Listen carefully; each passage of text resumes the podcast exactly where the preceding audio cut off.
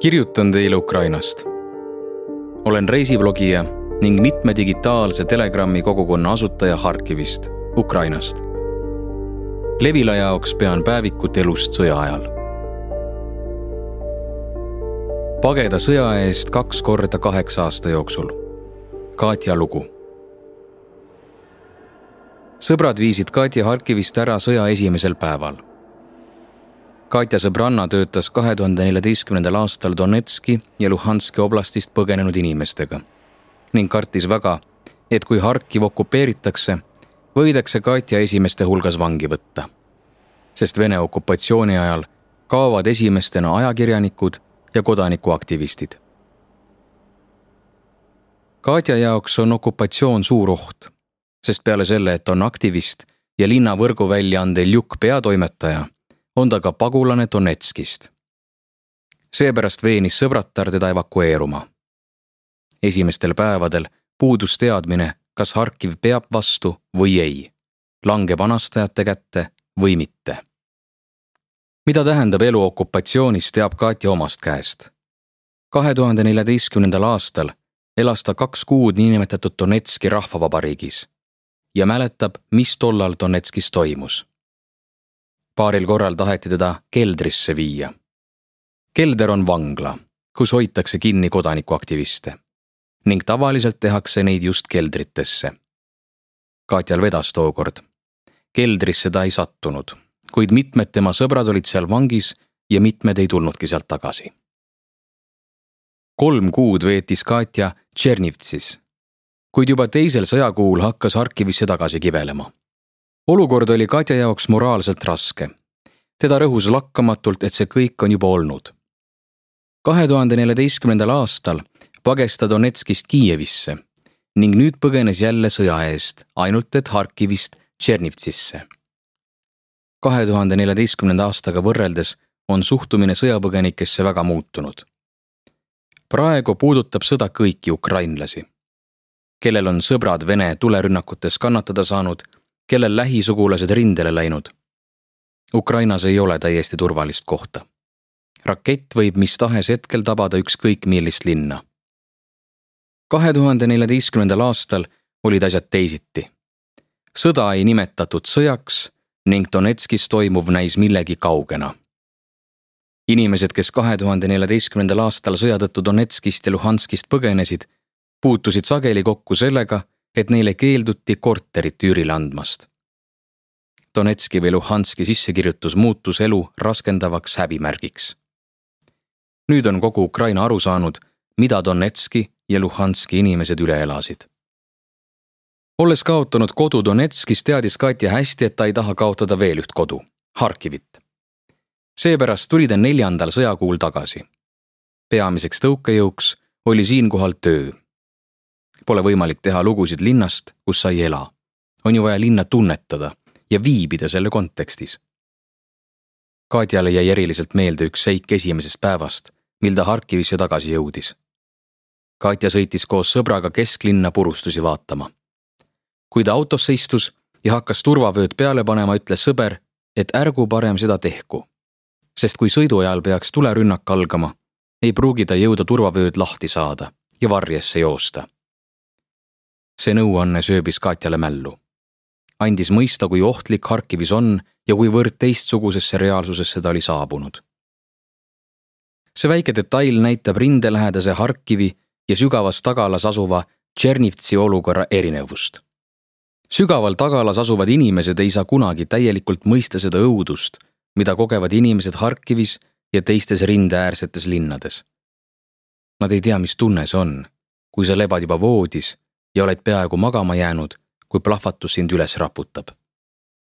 ent ajapikku harjud sa sellega nii ära, et ei jaksa enam voodistki tõusta, ei lähe koridori ega pommivarjendisse.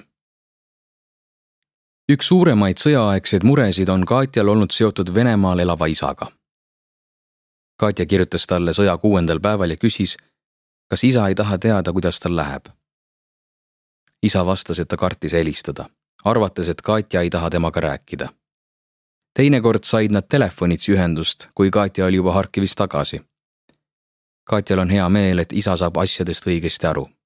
et ei ole mingit erioperatsiooni, vaid käib täiemahuline sõda, et Vene armee ründab sihikindlalt tsiviilobjekte, lasteaedu, koole, kirikuid, kaubanduskeskusi, parke ja väljakuid. Katja isa sõprade seas on ainult üks inimene, kelle meelest on Ukrainaga sõdimine väär.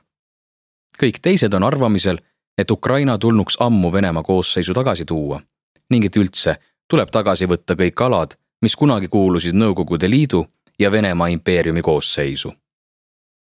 isa naine leiab, et sõjaväelased teavad, mida teevad. lihtsatele venemaalastele kogu tõde ei räägita. kuid kui sõjavägi teeb nii, siis järelikult on vaja. kõige keerulisemaks läksid Katjal suhted onuga. Ehkki enne sõda olid need olnud erakordselt soojad ja lähedased. onu helistas Katja isale ja pajatas rõõmsa häälega et Izjum, linn, kuhu Katja sugulased kahe tuhande neljateistkümnendal aastal põgenesid, on sisuliselt maatasa tehtud. Katja perekond kaotas kahe tuhande neljateistkümnendal aastal Donetskis viis korterit. nüüd aga jäädi ilma kõigest, mis neil oli Izjumis. Venemaa on kaks korda inimestelt ära võtnud kõik, mis nad olid paljude aastatega kogunud ja loonud. Katja seitsmekümneaastased vanavanemad olid sunnitud emigreeruma Austriasse sest kõik nende varad Izjumis ja Donetskis on hävitatud või ära võetud. arusaadavalt ei suuda nad enam elu nullist alustada, kuid õpivad saksa keelt, et kuidagigi ühiskonda lõimuda. loomulikult tahavad nad tagasi tulla. Katja ei teagi, kas näidata vanaemale videot, kus on näha, et tema maja Izjumis on varemeis. Võib-olla Katja vanaema teab, et tal pole kuhugi tagasi tulla kuid ei taha seda endale lihtsalt tunnistada. Katja jaoks on kummastav, et tema onu, teades seda kõike, rõõmustab Vene vägede hävitustöö üle. onu näib siiralt uskuvat, et maamunalt pühitud Izjumis võideldi Ukraina natsidega. ja Katja ise on süüdi, et valis elukohaks Ukraina ning toetab natse. Puutudes kokku selliste seisukohtadega mõistad, et isegi kui võim Venemaal peaks homme vahetuma ja tunnistama kõiki nende aastate jooksul Ukraina, Gruusia ja teiste riikide suhtes toime pandud kuritegusid, siis ega inimeste arusaamad ja vaated ei muutu. me mõtlesime, et Venemaal tehtud arvamusküsitluste tulemused on ülepaisutatud. tundus kujuteldamatu et, et kaheksakümmend kolm protsenti elanikest toetab sõda Ukrainaga. kuid mida aeg edasi, seda rohkem mõistame, et see arv võib olla tõele päris lähedal. saime Katjaga kokku ühel kesklinna toiduplatsil. enne sõda sattusime ühte lugu just seal trehvama. tavaliselt väga rahvarohke koht oli nüüd peaaegu tühi. külastajaid oli vast kümmekond. nii mind kui Katjat painab mõte, et varasem elav sumin kunagi veel taastub. kas inimesed tulevad tagasi linna, mis asub Venemaa piirist vaid neljakümne kilomeetri kaugusel meil ei jää üle muud kui loota, et tulevad. ja pärast meie võitu ärkab linn taas elule.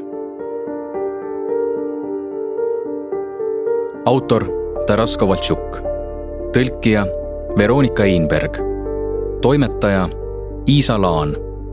audiolugu loeb Karmo Nigula. salvestus, helikujundus Janek Murd.